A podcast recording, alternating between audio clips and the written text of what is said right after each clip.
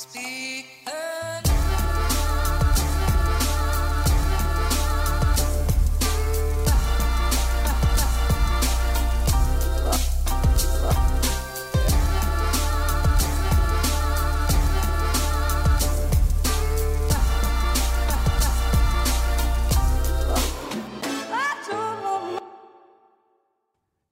god dag og velkommen hit til Klagemuren. Det er onsdag 18. mai, og eh, jeg er eh, fullsjuk, som eh, veldig mange andre.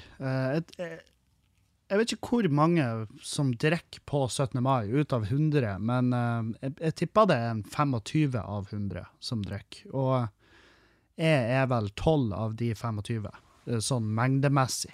Helvete! For en dag det har vært. Oi, oi, oi. Men, men, men hvorfor er vi så sent ute med episoden? Jo, fordi at uh, jeg skulle spille inn på lørdag. Det var det som, uh, det var, det som var planen. Det, på grunn av ar uka og ar arbeid generelt forrige uke. Det, var, det bare ble sånn at OK, det blir på lørdag. Og så kommer jo lørdagen, men da kommer også uh, bare plutselig et vennepar av oss uh, på besøk. Og så er det sånn her et besøk som blir om til veldig tidlig vindrikking, og så ble det til mat, og så ble det til drinks, og så ble det til en helaften, sant? Og så og så, så lørdagen ble det ikke. På fredag så hadde vi også et, eh, et vennepar på besøk. Da hadde vi surdeigskongen og fru. Eh, De var innom eh, og spiste pizza og drakk vin. Så det har vært Jeg har basically vært på fylla siden siden uh, fredag morgen. fredag ettermiddag. Jeg var på, jeg var på eh, min uh, jobb som herr vaktmeister uh, på fredag. Det var jeg. Men herregud, hvor trivelig. Kjempeartig. Og så, så bra å få sosialisert seg litt. Absolutt. Den eh, lørdagen eh, kunne jo ha vært kunne ha vært hakket roligere. Jeg, jeg lot meg lure meg ut på slutten av kvelden, og det skulle jeg gitt faen i. Det tenker jeg nå i Jeg tenkte da at jeg, jeg har ikke lyst til å være med ut, men eh, jeg prøvde nå, for, for alle andres glede, og jeg tror ikke jeg var noe godt selskap. Jeg var bare han der eh, politiske fyren som eh, bare fikk sitte alene på hjørnet av bordet. Eh, en liten eh, En sånn der eh, En sånn murrete, murret, bitter liten frik der jeg satt i hettegenser og bare Russland eh, Norge eh, Libya, Libya, Libya. Jagerfly, jagerfly. Syria, Syria. Lesbos. Ja, jeg var der, og eh, Jeg tror jeg prøvde å forklare en eh, 25 år gammel gutt og da sier jeg gutt, fordi at han var kanskje For det finnes 25 år gamle menn, og det finnes 25 år gamle gutter. Og jeg prøvde å forklare en 25 år gammel gutt eh, at eh, israelsk politi angrep eh, gravfølget til den eh, palestinske journalisten som ble skutt og drept. Eh, og de gravfølgene er jo sånn eh, Kista over skuldrene og marsjerer i gatene, og det, det er liksom i mine øyne en veldig mye kulere begravelse enn når vi drar og drar den her kista ankelhøyt etter oss mens vi skriker og tuter, og så graver vi ned de menneskene vi er mest glad i. Må vi stå og se på mens det bare skufles jord. Det det er veldig middelaldersk, spør du meg. Jeg liker den her. Over skulderen, eh, kauk og rop, eh, feir gjerne litt. Eh, også skrik, men bare gjør det til en, en respektfull fest. Men uh, det skulle israelsk politi uh, Det ville de til livs. Så de, eh, de altså Det var et tidspunkt der de holdt på å miste uh, altså mist den kis- kista i bakken. Som hadde jo vært uendelig horribelt. Og det hele Da var vel noen Tomax som sa så jeg skal vel ikke jeg skal vel ikke stjele, eh, skamløst stjele den eh, geopolitiske analysen, men eh, eh, han sa vel noe sånt som at det hele fremstår som et, som et forsøk på å egle opp palestinerne til å gjøre et eller annet i, i affekt, sånn at, kan, sånn at Israel, Israel kan sende skuddmissiler rett inn i et, et boligkompleks. Og det vil jo ikke ha vært første gangen, så ja, det og, den, og den her type tematikk er ikke Poenget mitt er at denne type tematikk det er ikke nødvendigvis det du skal prøve å forklare en 25 år gammel deilig gutt på Hundholmen, som egentlig er der for å pule, men var så uheldig og, og sa høflig 'Hei, har du en fin kveld?' Og jeg 'Hvordan kan du ha en fin kveld, sånn som verden er?' Og han er sånn 'Nei, det, verden er fin, den.' Og jeg ser i øynene hans at ja, han tror, han syns verden på ekte er fin. Det er en fin plass å være, tenker han. Men det vil jo jeg til livs òg. Jeg er jo israelsk politi i denne, i denne metaforen. Jeg valsa inn med batonger og banka løs på hans tro om at verden skal ordne seg. Og eh, ja, så jeg, han, til slutt så gikk han bare, og han sa ikke ha det eller noe, han bare for. Og så tenkte jeg ja ja, nei, du får gjøre med den kunnskapen jeg har gitt deg, akkurat så du vil. Uh, sant, så jeg var ikke noe godt selskap på, på lørdagen ute på byen. Og jeg var ikke noe godt selskap i Jeg var vel egentlig ikke noen god samfunnsmann at all på søndag, uh, som er jo kjempenaturlig. Det var Det strekte seg utover på mandagen, eh, men på mandagen så kunne jeg stå, stå litt seinere opp. Jeg kunne stå opp litt seinere enn vanlig. Og det var fordi at jeg skulle ikke på jobb i mitt daglige virke som vaktmeister. Jeg skulle ned til eh, eh, til Tonnes uh, i eh, Lurøy. Det, er det i Lurøy? Ja, det er det i Lurøy kommune. Uh, som er på Helgeland, og ikke så langt unna der jeg vokste opp. Og der, på Tonje, så skulle jeg gjøre et arrangement eh, for, eh, for eh, niende- og tiendeklassinger i det her øy, øyparadiset som er som er i området der. Og, og fastlandsbygder. Men eh, det er liksom samla masse, masse ungdom fra de forskjellige plassene til en uh, heidundrende aktivitetsdag på eh, eh, Hva heter det da igjen? Bruneset, tror jeg det heter. Fantastisk eh, fin, veldig sjarmerende liten uh, kystperle. Så det kan du sjekke ut. Hvis dere skal opp langs kysten, så kan dere sjekke ut Bruneset. Og der har de jo activities. De har ikke bare frisbee- frisbeekasting, eh, volleyball. De har også ribbturer, og det, ja, det var Det var altså så mye artig for ungene. Og så var det jo. Eh, eh, Niende- og tiendeklassinger er altså så jævlig unge, og eh, samtidig også større enn jeg trodde de skulle være. Flere av de er masse høyere enn meg, fordi at de, flere av de er ferdig vokst. Det er sånn, det her er den høyde jeg blir. Nå må jeg bare fylle ut den her hule potetgullskåla av ei brystkasse jeg har, så er jeg ferdig utvikla menneske, liksom. Og og eh, de har jo unektelig fått med inn for å droppe litt visdom. Uh, typ. Det var jo det det her arrangementet opprinnelig skulle være. Jeg, jeg ble booka til et helt annet arrangement for kommunen i Lurøy for lenge siden. Og eh, det er jo også en gig som jeg fikk betalt for for lenge siden, så det var liksom en gig jeg var skyldig. og da, og da, da skal jeg skal ærlig innrømme at jeg har jo ikke jeg har ikke sittet pengene for den gigen jeg fikk betalt for den før jul, liksom. Jeg har ikke sittet de pengene til sides i et sånn høyrentefond uh, i mellomtida mens jeg venter på å liksom, fullføre giggen, og da kan jeg liksom unlock de pengene. Hadde jeg vært smart, så hadde jeg jo gjort det. Um, og la oss være ærlige, hadde jeg hatt muligheten Jeg har ikke, jeg har ikke muligheten til å bare sette noe sånt til side og bare la det stå. Det, det, jeg, eller jeg har ikke sjøldisiplin. Så, så det føltes litt sånn jeg satt meg i bilen og måtte sjekke om jeg har råd til å kjøre nedover. Og så, ja, OK, vi, vi, vi gjør da alt vi har. og det, det viktigste er at vi får gjort denne gigen, for den har vært flytta på. Og parametrene for hele, hele, hele hopprennet har jo forandra seg underveis. Jeg tror det er tredje eller fjerde datoen vi prøver oss på, og denne gangen så fikk vi det til. Uh, og sånn er det med de her de her koronagigene som har vært utsatt pga. koronarestriksjoner og sånn, at man fikk jo gjerne betalt for de for lenge, lenge siden. Og da skal rett være rimelig. Og jeg liker ikke å skylde folk penger. Jeg syns det er drit. Um, om det så er en kommune det, egentlig, så skulle, altså, egentlig skulle det jo ikke berøre meg i det hele tatt, men det er bra folk som jobber der. Det er bra folk, eh, og jeg liker når kommunene prøver å gjøre noe for ungdommen. Og de her, eh, de her folkene eh, jobber virkelig beinhardt. Det er, og det er, svær, det er liksom et ressurssterkt gjeng, så eh, all jævla ære til de. Og, eh, og jeg syns det gikk eh, det gikk noe forholdsvis greit. Eh, Det er klart det er ikke stormende jubel eh, når Kevin Kildahl kommer inn i et rom full av 9. og 10.-klassinger.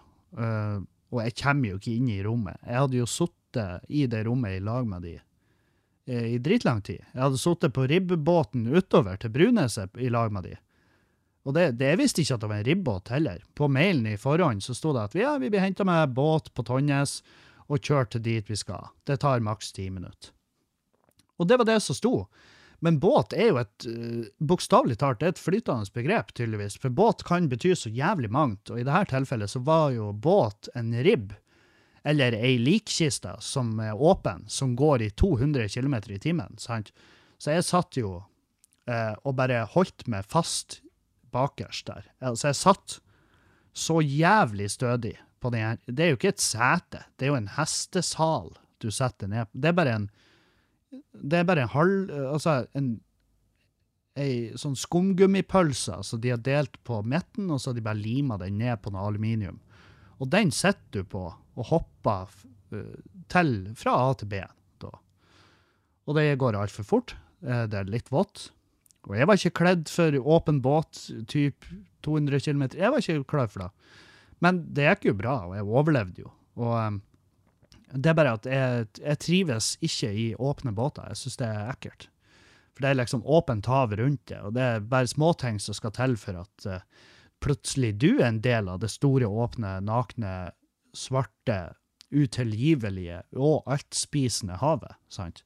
Så det er vel en sånn eksistensiell frykt, samtidig som en dødsangst brer seg over som en sånn feit uh, fjuskepelsjakke over den allerede eksisterende reelle faren.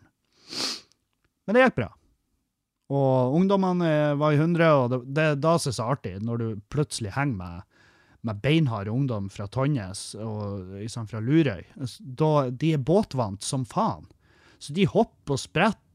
Altså, i det sekundet vi legger til med de her ribbene, så tenkte jo jeg Jeg er spent på hvordan han han båtføreren skal, skal bemønske og få lagt til og kasta uh, Kasta Hva heter det her?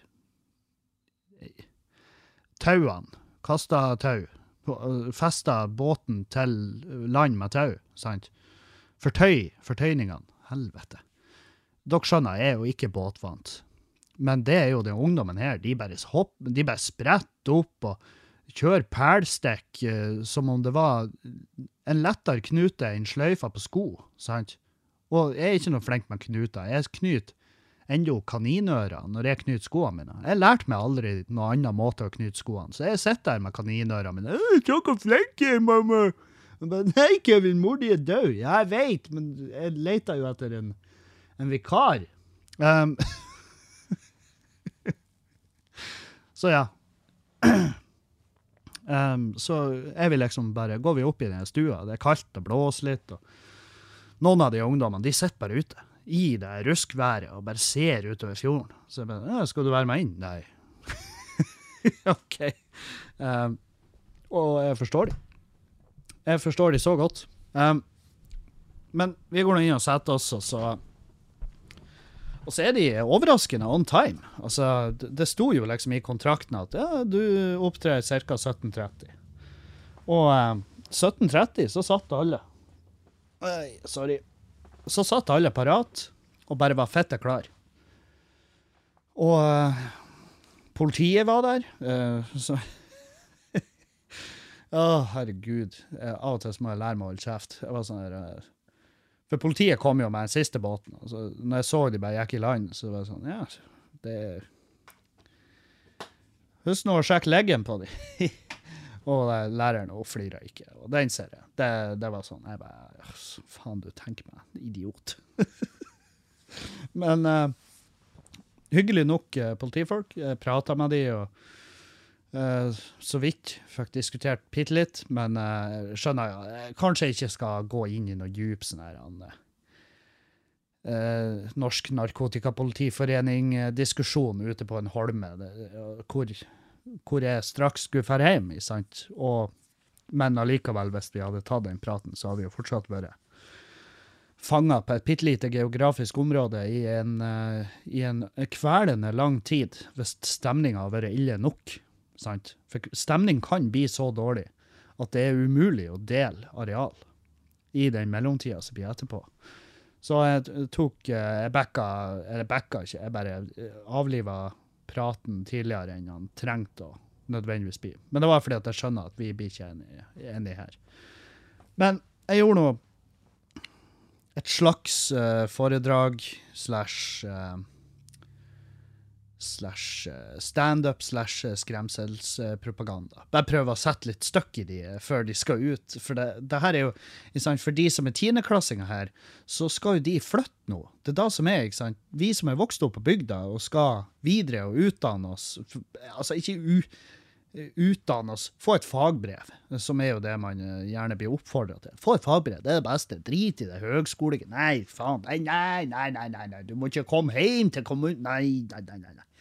Må ikke vise det her i Meløy med noe mer enn noe fagbrev. Teknisk fagskole, det, det, altså, det er maks. Maksimum.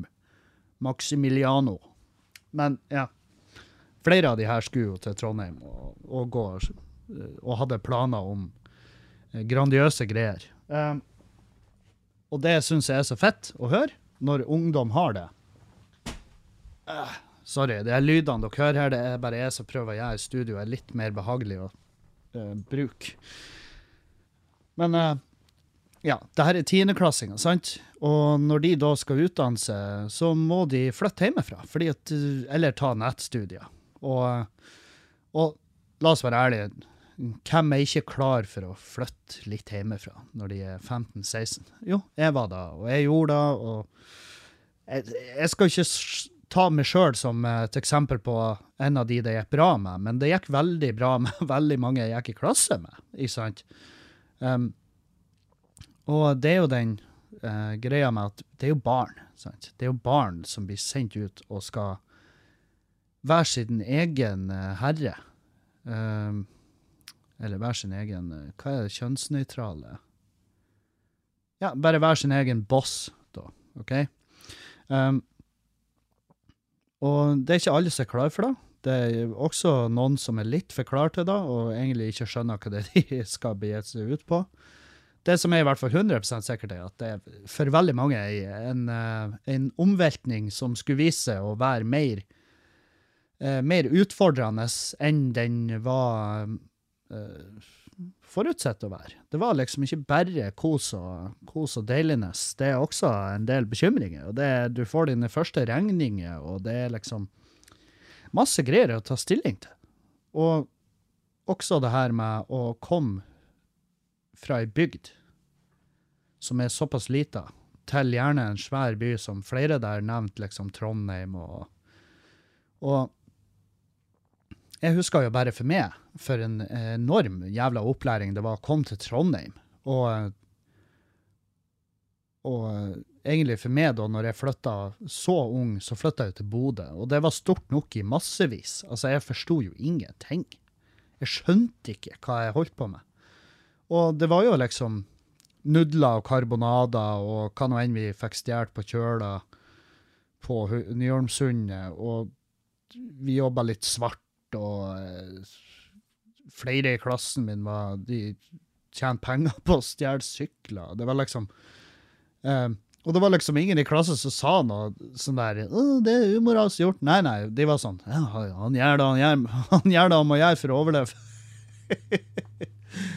og eh, og jeg fikk ikke sånn alvorlig mye hjelp hjemmefra. For jeg husker jo mamma sa da at jeg, jeg har ikke råd. Har, vi har ikke råd til å drive på og hjelpe dere. Så da, du må nå må du begynne å tenke på å få deg arbeid, ikke sant? Så plutselig eh, så jobba jeg jobba på lager, og jobba mala, og jobba når jeg var hjemme i helgen. Og... Så vi måtte lære oss i full fart. Um, men jeg prøvde jo da å forklare de her at eh, Eller jeg, ikke forklare de, jeg, jeg, jeg, gjorde et, jeg gjorde poeng ut av det i foredraget mitt i gåseøyne. Så gjorde jeg poeng ut av at jeg er ikke her for å belære dere. For det skal jeg det skal jeg holde meg for god til, og skal belære uh, folk som mest sannsynlig er mer fungerende enn meg allerede. Så jeg kan jo dele liksom noen av erfaringene. Og, um, og jeg delte jo noe, noe gøy, eh, noe uh, innenfor uh, ja, mørke, altså darkness i form av om det er depresjoner eller drugs eller alkohol. Um, ja. Jeg, prøver, jeg var toucha borti det meste. sånn. Uh, bare for å sette en liten støkk i de. Men uh, de flira, og de hørte etter, og jeg snakka om mobbing òg. Uh, og jeg ja, jeg fikk noen, noen blikk og noen nikk og noen blanke øyne i salen. Så, og en del latter. Da. Så jeg, tror, jeg vil nå egentlig si at det gikk helt OK. Det var ikke noe Blir de å huske det her om ti år? Mm, neppe. Med mindre jeg gjør noe sinnssykt i mellomtida. så, sånn der Du, husker du, husker du den saken om han fyren som uh, klikka på trappene til Nav og, og fyra på seg sjøl? Ja, stemmer det. Ja, hva med han? Det, det var han som var og prata til oss når vi var på Brunesholmen der, og, og på Bruneset, på det sommergæren 16. mai det året, husker du det?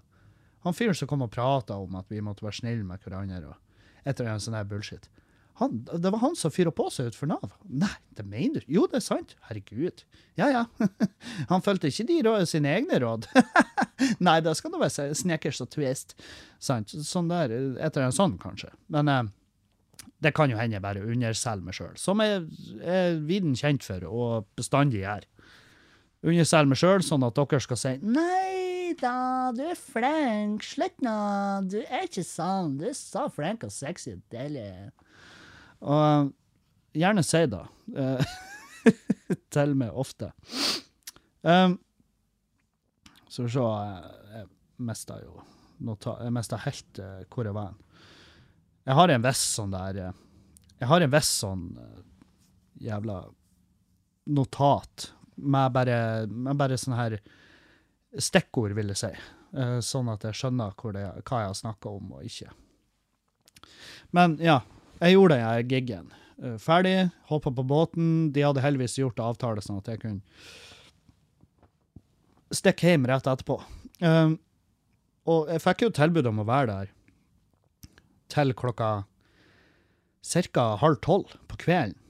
For det, det, var liksom masse arrangementer. Det var ribbturer, det var eh, rappellering i fjellveggen. og uh, jeg, kunne, jeg, kunne, jo for så vidt ha tenkt meg å være med på den rappelleringa, men uh, bare for å prøve, se om jeg klarte å etter den klatringa Jeg har jo bare klatra litt i Mørkvedhallen, ikke for å skryte, men jeg har vært en tur der. og tenk, jeg følte meg klar for å bare friklatre, buldre litt, bare opp den veien. Men jeg rakk jo ikke da, fordi at det var 16. mai, sant? Og det er upraktisk nok egentlig å ha et arrangement på 16. mai når jeg skal noe hjemme 17. mai. Men det var jo nært nok til at jeg kunne kjøre. Det tok fire timer hver vei. Og eh, ja, altså den hjemturen kunne jo ha, kunne ha gått mer knirkefritt enn han gjorde. Det, det skal jeg ærlig innrømme. For eh, jeg fikk meg noe kruttsterk kaffe. Altså, jeg fikk noe kaffe Jeg vet ikke om det egentlig var kaffe. Jeg er litt usikker på om det var bålrester som egentlig bare hadde vært kjørt i en blender. Uh, bålrester og noe, uh, noe gamle, noe utdaterte vinterdekk som bare var hevet rett i en blender og laga en eller annen sånn smoothie som de kaller for kaffe. Og den der jævelen heiv jo jeg i kjeften. Inhalerte den når jeg var på tur og stikk. Så jeg var jo ikke kommet langt i kjøringa før at bare plutselig så kjenner jeg at å, herregud, jeg må bæsje. Og det var ikke sånn der Ja, det er nå en time til Mo, så Så jeg kjører jeg nå på en bensinstasjon der. Nei, nei, nå var det Det gikk så jævlig fort ifra Det gikk så jævlig fort ifra å være sånn jeg kjører bil, jeg kjører bil, jeg hører på musikk, jeg koser meg, til at herregud, jeg må bæsje. Så det var ingen kjære mor. Det var bare å svinge inn på første mulige, som var en sånn eh, rasteplasslignende. En lang innkjørs... Altså en lang eh, lomme. Eh, og så var det sånn her Så var det sånn kantstein mot hovedveien, så du hadde liksom en innkjørsel på hver side av den her eh, lommen. Og så var også grøfta ned mot skauen, da, var, der var det sånn høye sånn betongelementstein. Eh, Ca. 90 høy. Og de som skjønner hvor høyt 90 cm er, de skjønner hvorfor at jeg begynner å nevne hvor høy de her ned mot skauen er. For det, jeg må bare Jeg parkerer, og så sprenger jeg bak bilen. Så jeg parkerer bilen parallelt med de her betongsteinene, og så sprenger jeg mellom bilen og betongsteinene, og så setter jeg meg bare på huk over en av de. Drar ned buksa, og jeg Altså, det er over før det er begynt, for å si det sånn. Med et lite Med et lite eh, klynk. Et lit, bitte lite klynk. Du vet når du trør på Når du trør på en hund med et uhell. Sånn. sånn. Så var jeg ferdig. Eh, og jeg har jo selvfølgelig, heldigvis, fordi at det er en erfaren eh, langkjører, så jeg har papir i bilen. Men så kjører det selvfølgelig inn på andre sida, eller på samme sida, så kjører det inn en bil. Og de skal jo sikkert eh, Jeg vet faen. Det er jo en sånn her en, en, Ja, en campingbil. Det blir vel rett å si. Ikke en typisk sånn eh, Litt mer transporter, ombygd type campingbil. Og de kjører jo inn, og de ser jo ikke meg først, men når de kjører fram og forbi bilen min, så ser de at ja, sitter en fyr på den kantsteinen der. Og så kjører de litt lenger fram, så ser de jo at det henger jo ei feit, hvit rev ut på baksida av den steinen. Uh, og jeg sitter og, jeg, jeg sitter og driter. Og jeg sitter jo selvfølgelig bare helt Altså, jeg frosser fast. Og jeg bare stirrer rett ned i bakken og holder hendene liksom rundt og lager sånn skylapper, sånn at jeg ikke trenger å se dem. Men i det sekundet de kommer langt nok til å bare mest sannsynlig få øye på ræva mi, at eh, å ja, her foregår det noe, så bare det, Så river de alle fire hjulene, og det hyler i gummien når han treffer asfalten, og de bare stikker av. Kan jo hende de- at de tok ned et vindu eller noe, og så bare hva i helvete, det lukta jo verre utafor bilen enn inni, og vi har sittet her og runka fire mann i strekk nå. Så, så det var jo eh, det var jo ganske horribelt kleint. Og eh, det gjorde liksom Altså, dagen i, fra før av hadde vært ganske sånn stressende og ganske tærende, fordi at det tar en lang kjøretur, eh, dårlig fra helga, blåmandag, lang kjøretur, over å underholde et uh, veldig avansert publikum, ribbtur, dødsangst, bunn på heimturen, kicka off heimturen med eksplosiv diaré i ei busslomme. Sant? Så, så det lå liksom eh, faen ikke an til å bli en trivelig dag resten av eh, dagen. Resten av dagen var båret preg av alt det her. Men jeg kjørte hjem i, i god driv, vil jeg påstå. Eh, De har jo åpna Nyveien ned fra Saltfjellet ned mot Mo i Rana-sida, og det er jo en drøm å kjøre der. Gratulerer til dere som bor oppe i Dungerdalen. Eh, Det er altså blitt et, et mektig fint lite veistykke dere har ordna dere der. Gratulaisen. Godt fortjent etter alt dere har vært gjennom. Så Og på tur hjem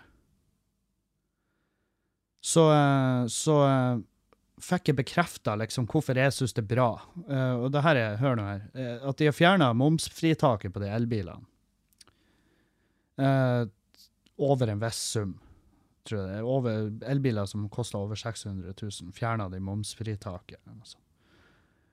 Og folk er i harnisk, fordi at nå kan jeg ikke lenger eh, Og er, selvfølgelig jeg òg litt i harnisk, fordi at det også betyr at jeg ikke lenger kan drømme om å få med de elbilene jeg hadde lyst på. Så det er liksom Det er ikke lenger et alternativ for meg. Det er ikke lenger en mulighet for meg å kunne ende opp med en Tesla. Sånn så, I hvert fall sånn som ting er nå. Og, um, og det er, skjønner jeg hvorfor. Jeg skjønner hvorfor de gjør det. Det er jo En ting er at um, de må jo De må jo uh, Norge må jo tjene penger. Norge må for alltid tjene penger. Og det er, skjønner jeg.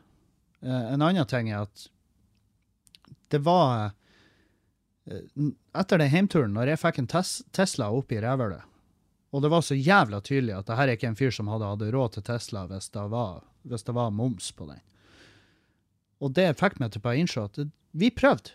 Vi prøvde å gi uh, oss, uh, arbeiderklassen, riking. Fine ting som kosta egentlig masse penger, men pga. et smutthull så fikk vi så fikk vi blakke kuksugerne en liten smak av det finere liv. Og det, det kledde oss ikke. Kledde oss ikke litt engang. Det er Teslaen han lå oppi ræva mi. Og jeg, har jo det Tesla-trikset mitt, som er å Når de ligger helt oppi ræva, så hogger jeg litt i bremsen. Og det, jeg bremser veldig hardt, men veldig kort.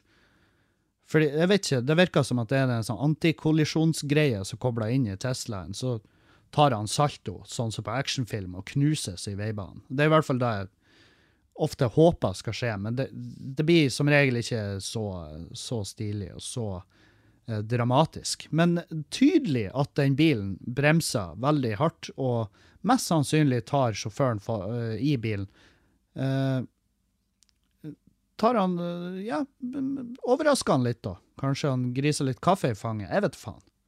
Men når du ligger og jager oppi ræva mi, når jeg allerede ligger i ja, 90 Eh, 100 over Saltfjellet, så, eh, så, så blir jeg irritert. Og eh, jeg blenka han forbi. Det var liksom ingenting som stoppa han fra å kjøre forbi meg. Men han ville Han bare Jeg vet faen. Han syntes det var trivelig å ligge i dragsuget. Jeg vet ikke hva poenget var, om det var noe økonomikjøring han prøvde seg på. Men jeg ville I would not have it, så jeg nøkka litt i bremsen og da ble det tydelig bilen bak, altså Teslaen. Han begynte å oppføre seg litt rart. Og, um, og, så kjørte jeg litt lenger, og, og, så begynte han å jage igjen, og da svinger jeg til sides, og så bare eh, viste finger. Eh, vist, vist, jeg fingra han forbi. og det går greit, for han òg viste finger. Og han viste finger i speilet når jeg hadde nøkka i bremsen og bilen bare Og jeg kunne høre gummien på den Teslaen, så, så så jeg han visst finger. For da så jeg i speilet bare for å se om jeg fikk noen reaksjon, og vips, der var den. En liten reaksjon. Viste han finger. Og jeg var sånn her, hei, fuck you. Jeg har, jeg sittet på en kantstein og drept meg ut i dag, så uansett hvor drit du syns det her var, så har jeg en verre dag enn det. Vær mye verre dag. Jeg har tørka meg i ræva med ting det sto Esso på, sant? Uh, så det, jeg, har ikke noe, jeg har ikke noe fin dag. Og du gjør det verre, og det gidder jeg ikke. Det orker jeg ikke. Og derfor, Det, var ikke, det kler ikke oss, sånne rike ting. For han der fyren han hadde en caps på seg som sto et eller annet på. Og da vet jeg at det, det, det, er jo en fyr som ikke egentlig har noe i en Tesla å gjøre. Han har bare Han har bare truffet. Truffet gull én gang der. Så kjøpte han seg en Tesla, og så ble han en kuksuger og begynte å oppføre seg som en pikk. Og eh, da, Jeg håper jeg ødela dagen litt, da. Jeg håper det. Men jævlig irriterende, fritak-greiene. Irriterende for meg. Synd for meg. Buhu, synd-Kevin. Som alltid. Det er jo bestandig synd i meg. Men uh, er det rette måten å gjøre det på? Jeg veit ikke. Blir det et mer tydelig skille mellom rik og fattig? Ja, for hver dag som går. og det er ikke bare her på det momsfritaket på elbiler. Det er jo på masse andre greier. Så uh, Jeg vet faen. Det er vel ikke Det som kanskje jeg vil si er det største minus med det, er at det blir å ta mye lengre tid nå før jeg kjører fullt grønt skifte og kjøper meg elbil. Og grunnen til det er at jeg må ha bil med hengerfeste. Og det må være en bil med hengerfeste som kan trekke tungt. Jeg skal ikke ha en bil med hengerfeste som kan trekke å, 350 kilo på denne elbilen. 350 kilo du har medvind og, og eh, kanskje noen som hjelper deg å dytte. Det, det skal være full hengervekt. Jeg må ha hengerfeste, ikke bare en knagg bak på bilen. Så um, Så da blir det jo å ta lengre tid for å kjøpe meg elbil. Og dermed så blir ikke da tar det lengre tid før jeg deltar i, i det grønne skiftet. Og eh, det er vel eh, et av minusene, at det blir, å ta litt lengre tid før de blakke får seg elbil. Men eh, etter hvert så finnes det jo ikke noe annet enn elbiler. Og da, sjøl om mange sier da Nei, fy faen, det blir ikke min levetid. Nei, Nå, nei. Ja, det er jo flere og flere bilprodusenter som melder at vi kommer til å produsere fossilforbrukende biler fra 2040, 2030. 2025 har flere av de også sagt. Og 2025, det er nå, straks.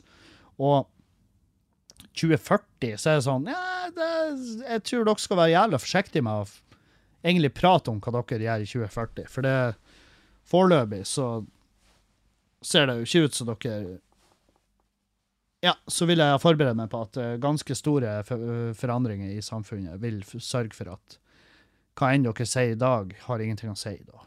Det er ubetydelig. Hvem vet, kanskje vi har funnet en måte å gjøre fossilbiler til det grønneste i hele verden.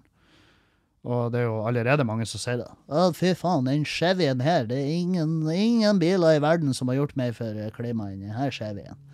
Det nekter jeg å tro. Og når du spør hva, hva er argumentene dine, nei, du vet nå, det er noe sånn, det er bare sånn det er.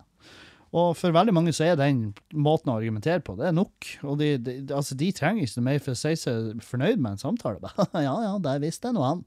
Det er noe typisk de ungguttene. Har nå så mye planer og tanker og hva de tror om verden. Og så sier jeg med dem at ja, men du skal nå ikke tro så mye, du. Du skal nå også høre på oss og vite litt. Og så uh, sier de noe sånn som det er. Sant? Så de sier masse greier uten å si en dritt. Og så tror de etterpå at ja, fy faen, jeg er da en reflektert jævel. uh, men uh, Ja, så det her var uh, 16. mai utført. Jeg kom hjem, la meg. Det var liksom det som Jeg kom hjem klokka 11, og da var det rett i seng. For da var 17. mai, så var det Da var det jo selvfølgelig to champagnefrokoster. Vi var bedt i Juliane var bedt i tre. Jeg var bedt i to. Eh, bare nevn det. Og um, hun, nevn, hun nevner det hele tida. Hun vekk med meg, da. Jeg ble bedt i tre. Tre stykker ble jeg bedt i. Du ble bedt i bare to. Hallo, søv du? To. Duo. Dos. Sant. Så vi ble bedt i to. Vi for i begge. Um, for først til Tomax og Mona, og det var eh, altså så jævlig trivelig. Så trivelig. Og de har pynta, og de har ordna quiz. Altså, det var en Kahoot på TV-en som er tapt eh, grusomt. Og eh, og det var altså så mye deilig mat. Jeg spiste meg jo uhøflig mett og bare satt der og gassa meg og kosa meg og elta ut som en brøddeig. Og, og jeg bare Helt fantastisk. Og masse god drikke. Og så var det videre etterpå til Robert og Marita, et vennepar av oss, og de har jo det, Han har hjelpa å legge flis på badet. Og det huset er jo Mace Balls-serie. Det er en sånn sånn der eh, tidlig Exit eh, Mansion-stemning. Det er liksom glass fra, fra gulv til tak i den stua der. Og der var det heidundrende halloi og fest og moro. Eh, og så var det ut på Hundholmen. Og det her er, det her er i går, på 17. mai, liksom. Og så begynte jo uh, klokka å nærme seg liksom sånn her seks. Og så uh, kom jeg på at ja, vi har jo noe vi har jo de ungguttene, altså det er sommer, grøntpatruljen, som vi kaller de. Og det er jo sommervikarer som er innleid til Bodø kommune, som skal da ta seg av f.eks. det er å klippe gress utenfor barnehager, og skoler og andre diverse bygg som er en del av bygningsmassen til Bodø kommune. Og det her gjengen skal jeg da koordinere. Så hadde vi to av de karene skulle begynne 18. mai. Eh, så, var, så hadde det vært litt sånn klabb og babb eh, med å få den kabalen til å gå opp. Hvem skal når? Når skal vi? Eh, hvem skal ha ansvaret? Kevin fikk det ansvaret til slutt, så det er mitt ansvar nå. Og så var jeg litt sånn Så spurte sjefen min når skal vi be de om å møte opp i morgen? Skal vi være litt human med tanke på at det er 17. mai i dag, og de mest sannsynlig er fullsjuke og ødelagt i morgen? Det var jo en svært ledende melding som jeg skrev i, i håp om at han skulle være human mot meg. Men jeg hadde ikke lyst til å si at jeg var fucked up og gjerne hadde Gjerne hadde jeg tenkt meg å feste litt lengre. Det kunne jeg, men allikevel så var jeg, jeg var sliten. Det hadde vært en lang dag. Det hadde vært eh, ni solide timer med drikking, og det, det holder. Det holder altså faen meg i massevis. Og eh, han, eh, sjefen min, var jo også litt sånn at eh, ja, vi kan være litt humane. Be de om å møte opp klokka åtte, ikke 07.30. og så skrev han og så kan du møte med 07.30 på basen. Og jeg bare, ja, ja, greit. Da drar jeg hjem og legger meg. Og det var egentlig bare en fin unnskyldning til å gjøre akkurat da. For eh, jeg tror ikke jeg kunne vært ute en time, time lenger og uh, fungert i dag. Jeg fungerte helt fint. Det var, det var selvfølgelig røft å åpne øynene og stå opp. Det skal jeg ærlig innrømme. Så akkurat det var litt røft, men så, eh, så gikk det helt fint. Det var bare å svette av seg den første timen, og så, og så gikk det slag i slag. Og det har jo vært en fin dag, egentlig. Og veldig, veldig flotte, flinke karer eh, som jobber og kjører på, og er, ja, og er gira. Rett og slett gira på å få gjort ting. Så, så det ga meg trua på at det her, det skal vi faen meg greie, skal vi faen meg greie å gjennomføre.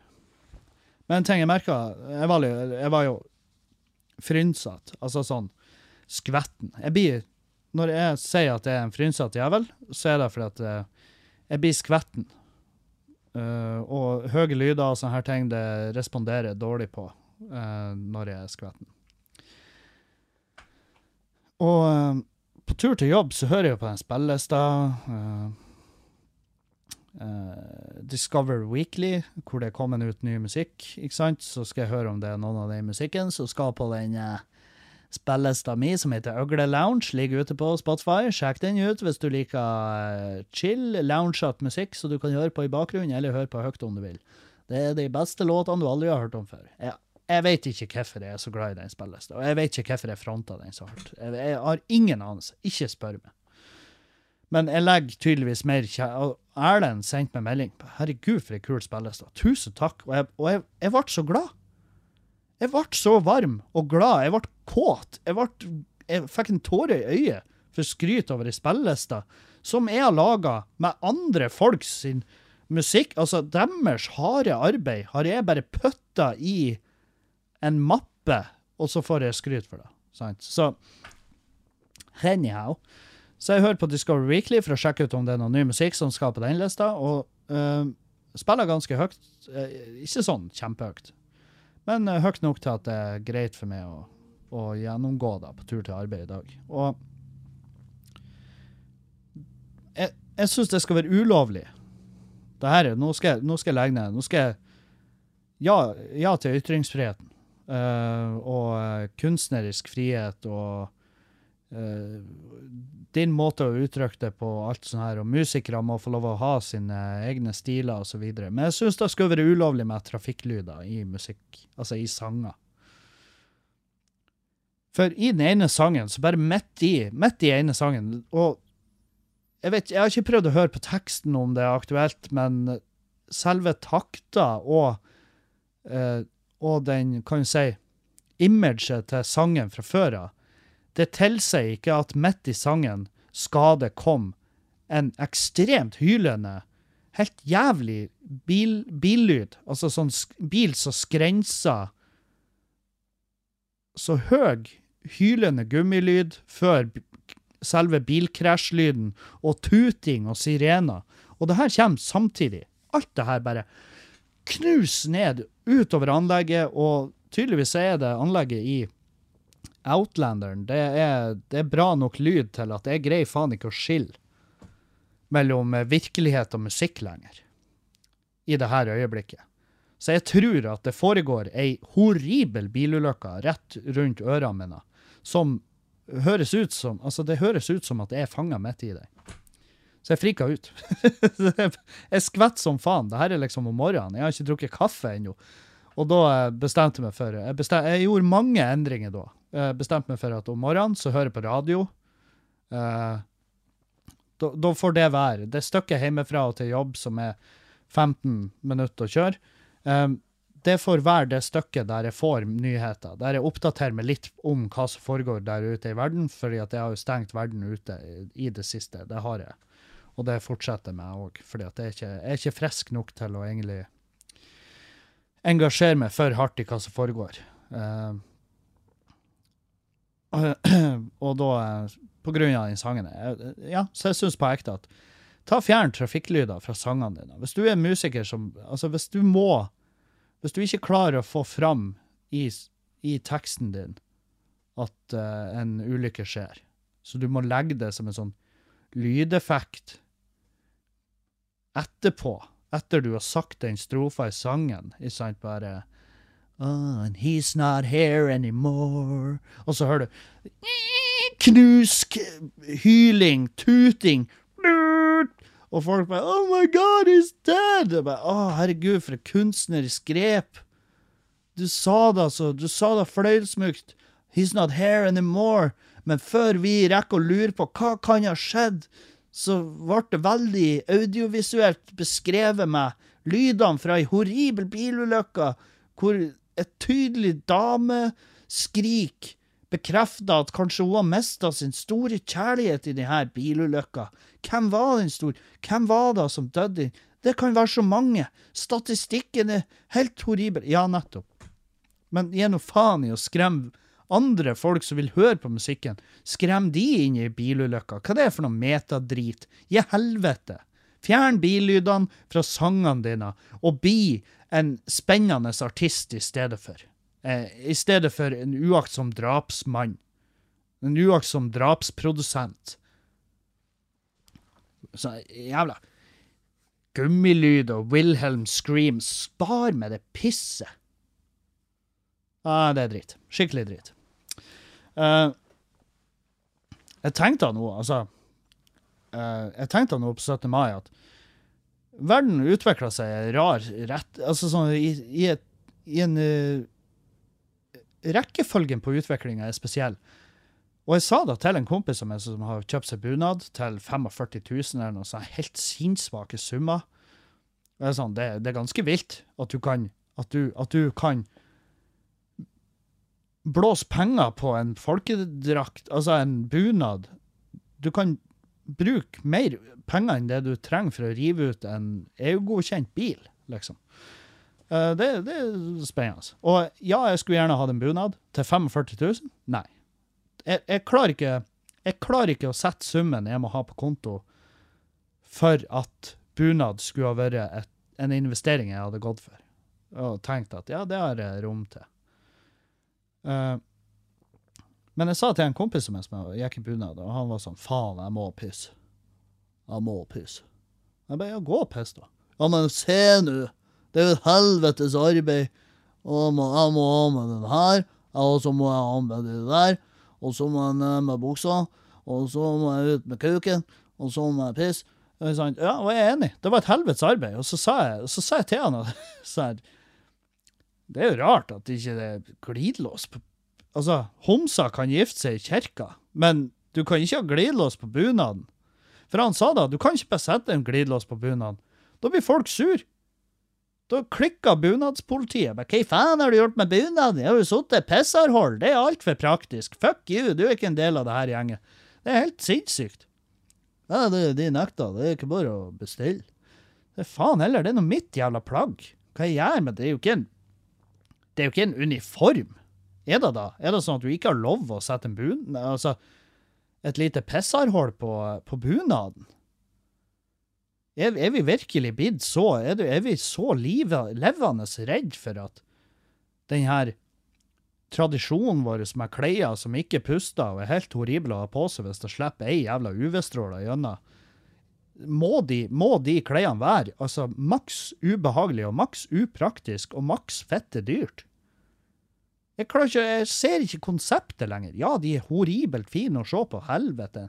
Erlend Osnes i en bunad. Spar meg. For et Altså, jeg skal ikke Jeg er ikke Jeg, jeg, jeg syns vi skal begrense oss fra å seksualisere for mye. Men Erlend Osnes i den bunaden med de lange, deilige strømpene Herregud, for et stykke Norge! Det er jo Altså, gi meg Gi meg en klut dyppa i rohyp... Eh, noe et eller annet, hva de bruker for å slå de ut. gi, meg et glass med en knatra Rohypnol, og gi det til han Erlend. Og hils fra han mannen på en av baren. Herre fred, de bunadene er fine. Men det er jo ganske sjukt at det ikke er lov å sette glidelås på de. Det syns jeg er ganske sinnssykt. Og det er også uh, sørger jo for at jeg ikke blir å kjøpe meg bunad heller, hvis det ikke er for lov å ha pissarhull på.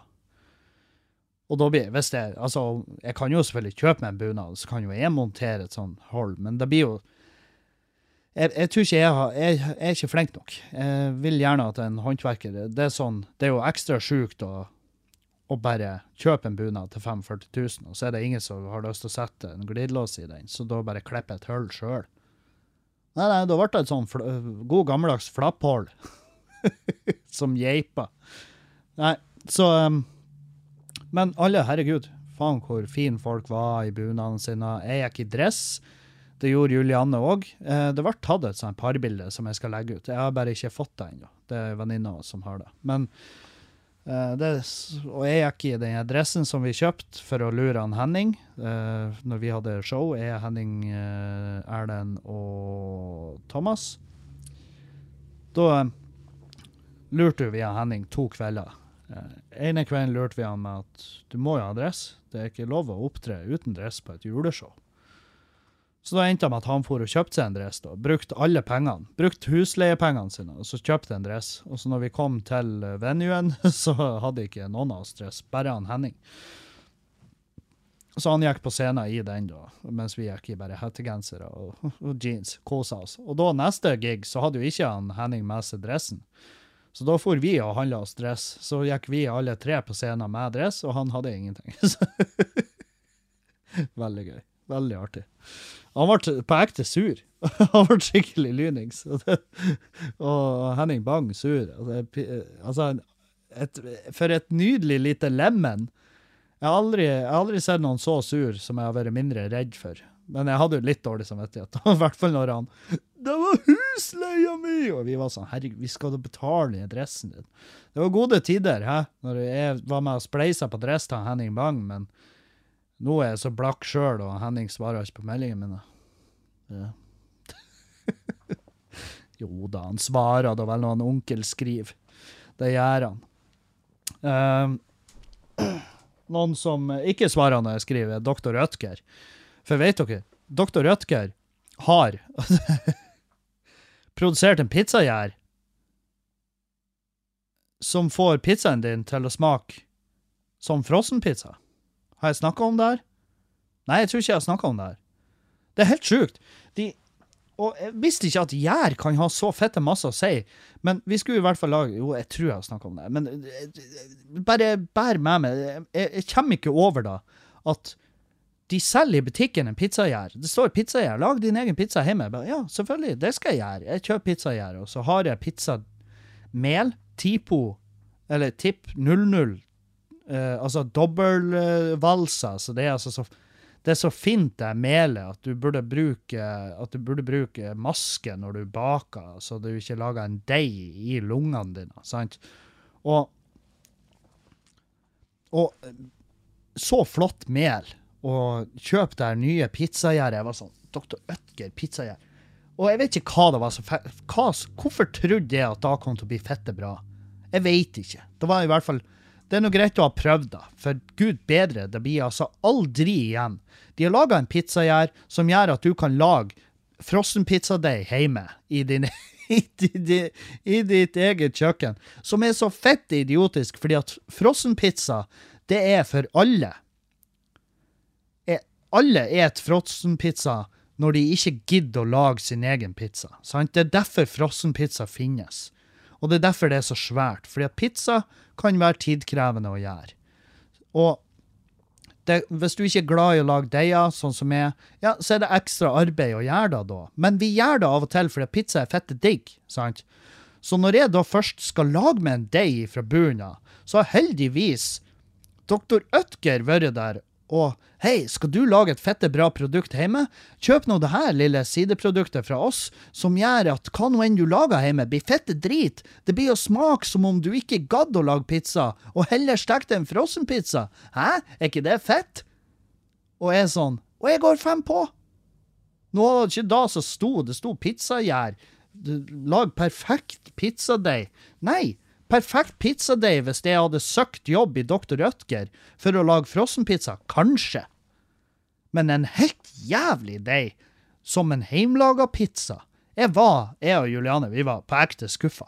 Det var, det var så skuffende at vi laga da pizza dagen etter. Når vi har laga jævla mye pizza siste måneden, det hører jeg med en gang. Det, det har vært det har vært fire dager med heimlaga pizza de siste 14 dagene. Det må det ha vært. Fire, om ikke fem. Men eh, herregud, jeg, av alt så er vel ikke der skoen trykker når jeg, når jeg jobber meg mot en uh, tidlig grav. Jeg tror ikke det er en pizza. Som, uh, jeg tror ikke det er der det er. Uh, jeg så en her horribel sak. Helt jævlig. Der om han der sersjanten som snikfilma en soldat, en kvinnelig soldat, så en mannlig sersjant i Forsvaret, som var da hennes eh, øvers, Altså hennes nest, nestkommanderende, blir det da det heter. Han var i hvert fall sjefen hennes. Nærmeste sjef og øverste befal. Eh, han har da drevet på og filma hun i dusjen. Og eh, hun er jo yrkesmilitær. Hun har vært i militæret i seks år, og eh, det er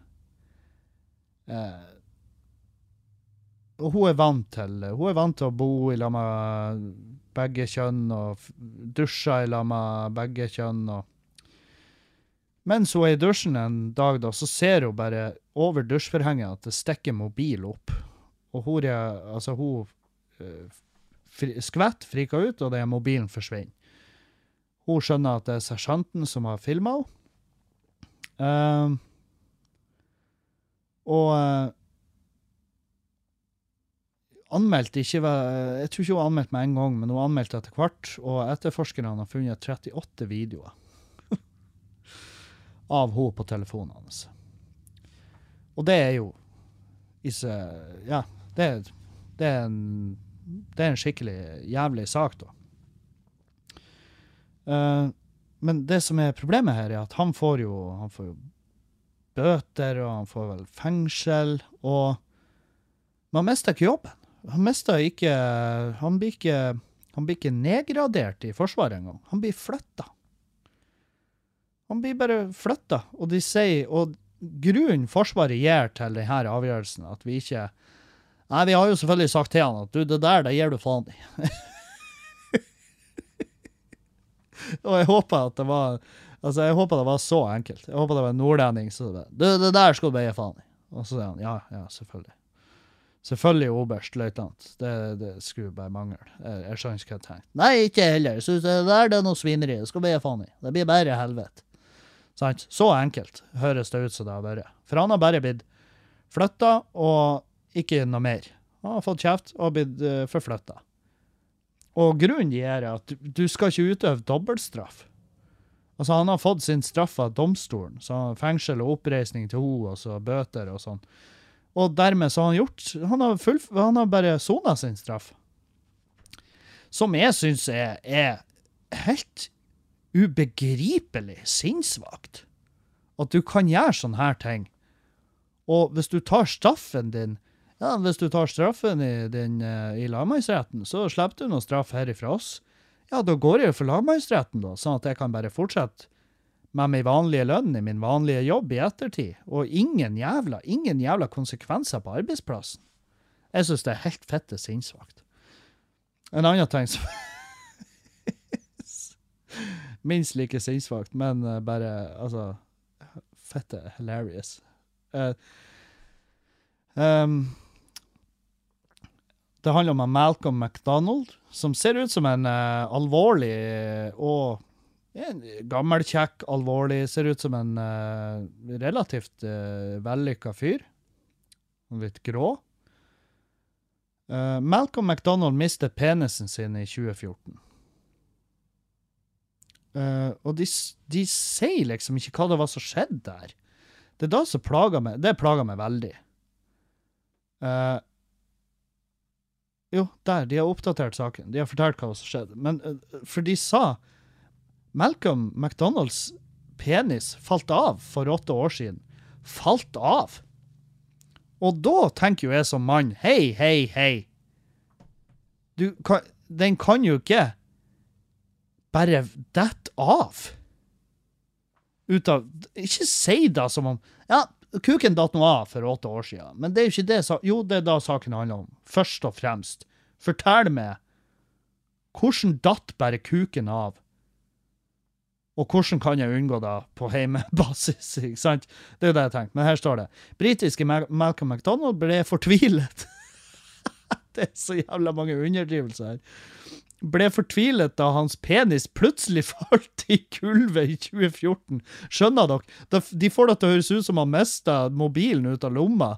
Bare zitt ned med buksa og bare Nei, dæven, det får pina i kuken. Sant? Det viste seg at han hadde fått en alvorlig blodinfeksjon som førte til at han mistet penisen. Og jeg tenker jo òg da at uh, At uh, det må jo ha gått, Du må jo ha gått med den blodinfeksjonen en stund før Før du Altså, før kuken data. Det, det skulle ha ringt noen bjeller. Det er det jeg føler. Det er det jeg tenker. at det her burde han ha Det må ha vært noen forvarsler av noe slag der. Men uansett. Han fikk da Han skulle få Det her var i 2014. Det er jo ganske lenge siden. Sant? Det er vi enige om. Det er åtte år siden. Uh, 2014 mista kuken. Den datt bare plutselig falt i gulvet. Uh, og da uh, skulle han få tatt en operasjon og uh, sett på en ny kuk, da, rett og slett. Eh, og det står at testiklene til McDonald uh, hang fortsatt igjen. Og det var jo vel og bra. Det er godt å høre. Uh, og de skulle sette på en ny kuk, men det er klart det tar litt tid, og det må, det må sikkert eh, ordnes noen fundamenter og litt sånn her. Og jeg vet ikke hvordan prosessen er. Det er sikkert ekstremt innvikla. Men i mellomtida da, så har de festa den nye kuken Den nye penisen. Jeg, sorry, jeg skal prøve å ikke snakke så bruke så sty stygge ord, men det, kuken er liksom det, er det mest vanlige for meg. Men de har festa den nye penisen på um, på hans uh, venstre forarm. Så det hang, å, det hang liksom da bare en kuk ut av, av forarmen hans. Så den stakk liksom ut fra skjorteermet. Og han fikk lov å være med å designe kuken. Han fikk lov å designe den. Og han brukte hud fra hans venstre arm og vener fra hans høyre lår. Og så fikk han lov til å legge på. Og han, på, han la på Han la på eh, rolige fem centimeter på lengden.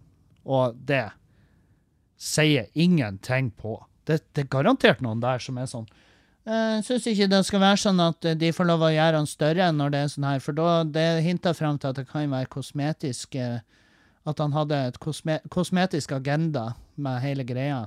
Jeg tviler, men uh, allikevel. Hvis, uh, har, hvis kuken din bare plutselig detter i gulvet, og du får muligheten til å lage en ny, ja, da lager du jo en, en, eh, en, eh, en du gjerne vil ha. Sant? Og da, når de skulle eh, feste den nye eh, penisen, så under operasjon så hadde han for lite oksygen i blodet, så de måtte, de måtte avbryte operasjonen. Og da skyndte de seg, og så bare festa de den på underarmen. Og så lavt på underarmen at den stikker ut av skjorteermet. Som jeg ser på som en sånn der En liten fuck you, da.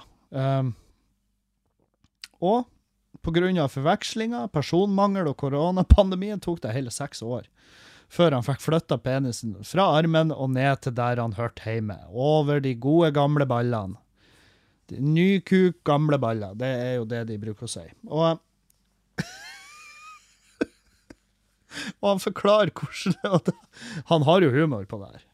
Eh, for han snakker jo åpent om sin historie i en dokumentar som heter A Man with a Penis on His Arm. Og det er jo veldig beskrivende, og det liker jeg. Jeg liker når det er en tittel som gjerne forklarer hele historien bare på én setning. Og eh, han kunne jo selvfølgelig få en del spørsmål på puben når det hang en kuk ut av ermet, og det skjønner jeg. Og det var sikkert en veldig fin måte å åpne samtale på. Men selvfølgelig så vitser folk om det, står det her. Selvfølgelig vitser folk om det, men jeg skjønner det. Det er ikke hver dag du ser en mann med en penis på armen. Det, det, det er fett. Jeg er glad han skjønner at selvfølgelig er det her noe folk prater om, for det er jo meget spesielt. Men han forteller om at, en, at han skulle hjelpe ei gammel dame i butikken ved å hente ned en gjenstand fra øverste hylle. Da spratt penisen frem fra ermet og slo nesten kvinnen i hodet.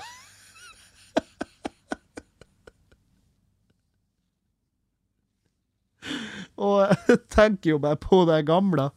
Helvete. Plutselig, den her han Den svære, nys, nystøpte kuken kommer bare ut, ut av ingen plass der du minst forventer det. Ut av et skjorteerme og bare 'Surprise, motherfucker!' Her har du, her har du cornflakesen din, bitch. Sant? Det er altså så fette sjukt. Og han har ikke vært komfortabel med å gå i T-skjorte, og ja, altså, det er han har ikke gidda å dra og bade sammen med ungene sine. så lenge han, Og det skjønner jeg. Det, og det tror jeg også er bare like greit. At han pappa holdt seg hjemme fra badeland mens vi venta på å få festa, eh, penisen på rett plass. Men eh, jeg har sjelden hatt mer lyst til å se Altså, jeg har lyst til å se den dokumentaren. Og det som er med den dokumentaren, det er at han blir ikke å gi meg noe annet enn ubehag og Eh, selvfølgelig sympati for han. Det stakkars jævelen som har gått med penisen på underarmen i åtte år. Men at eh, Altså, det gir meg jo ingenting matnyttig. Det er veldig lite info der jeg kan bruke i fremtida. sant? Så jeg burde jo egentlig bare se en dokumentar med noe, med noe fornuftig info. Og det skal jeg prøve å lete meg fram til nå. Og så skal vi ta kveld, det skal vi! Og så høres vi igjen. Asap Zulu! Jeg elsker dere alle sammen. Adjø, adjø og auf Wiedersehen!